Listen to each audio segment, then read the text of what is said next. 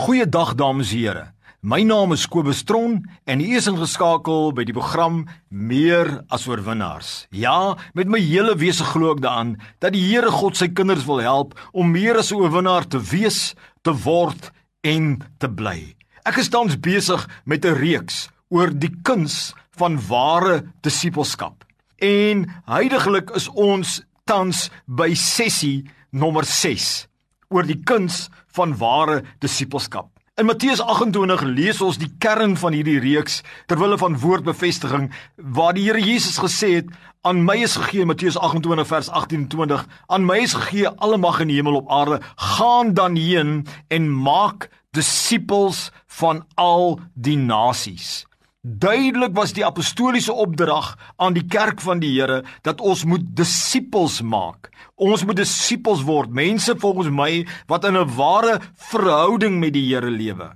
'n Volwasse standvaste verhouding wat hom volg in alledaagse lewe, die stem van die Gees binne, gebaseer op die beginsel van die Here en wat die vrugte dra van die Gees, die vrugte van die koninkryk, die vrug van meer as oorwinnaar.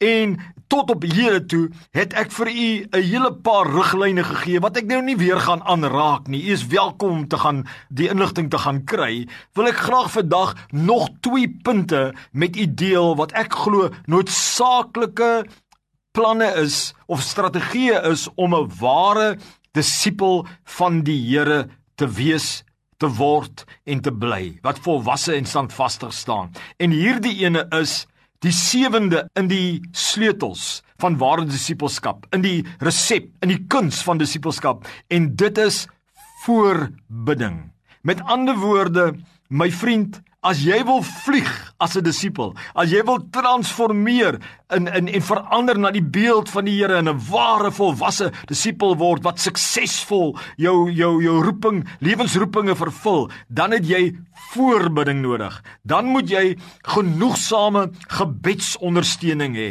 Jy kan maar kyk vir my as jy my volg op Facebook, oral waar ek gaan, het ek mense wat ek vra, bid vir my hier, bid vir my daarvoor, bid daarvoor vir my. En ek praat nie nou van 'n skimp van 'n behoeftelys nie. Ek praat van mense wat opreg bid en ondersteun met gebed. Ek glo elke kind van die Here het voorbidders nodig. Dat jou bedienaar vir jou moet bid, intercessors vir jou moet bid. En ek glo effektiewe voorbidding, saamstem gebed aktiveer en help om te aktiveer die bonatuurlike hand van God. Hoeveel getuienisse het jy al gehoor van mense wat sê, "Joh, Ek weet my ouma het vir my gebid dag en nag gereeld en ek is een van haar produkte of my ma of my pa of 'n sekere vriend van my het vir my vir jare gebid of my ma bid nog steeds vir my. Ek weet byvoorbeeld my ma wat nou 81, 82 is, bid vir my. Ek weet sy staan in vir my, en nie net vir my bediening nie, vir my hele familie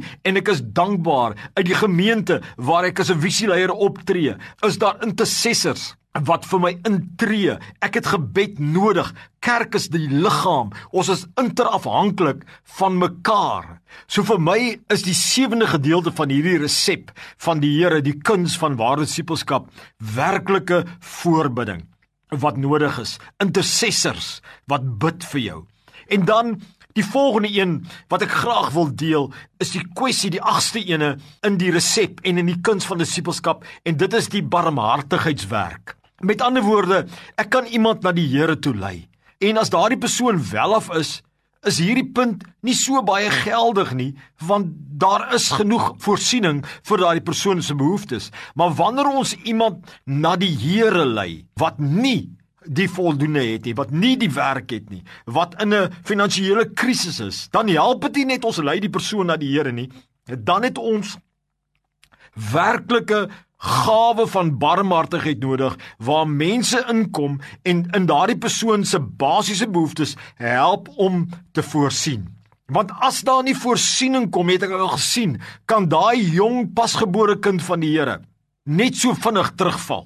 Net soos wat daai pasgebore kind van die Here nie sonder 'n pastorale hulp kan wees nie, is die hulp van barmhartigheid 'n uiterse noodsaaklike rol in die kind van die Here wat 'n ware disipel word. So, jy kan nie in 'n gemeente sê ons wil disippels maak en jy wil siele wen en jy wil die lering kant hê en die pastorale versorging en die gemeenskap met God, al daai dinge is in plek, maar die barmhartigheidsdiens is nie in plek nie. Die barmhartigheidsdiens is 'n natuurlike omgee diens wat 'n noodsaaklikheid vorm in die maak van disippels. Baie kinders van die Here wat jong babetjies in die Here is, het weggeval omdat daar nie 'n barmhartigheidsdiens is wat hulle help om in die basiese behoeftes te voorsien nie of help om 'n werk te kry vir inkomste nie. Baie belangrik. So ek wil vir u sê vandag, moenie disipelskap najaag of help om ander mense disipels te maak sonder hierdie twee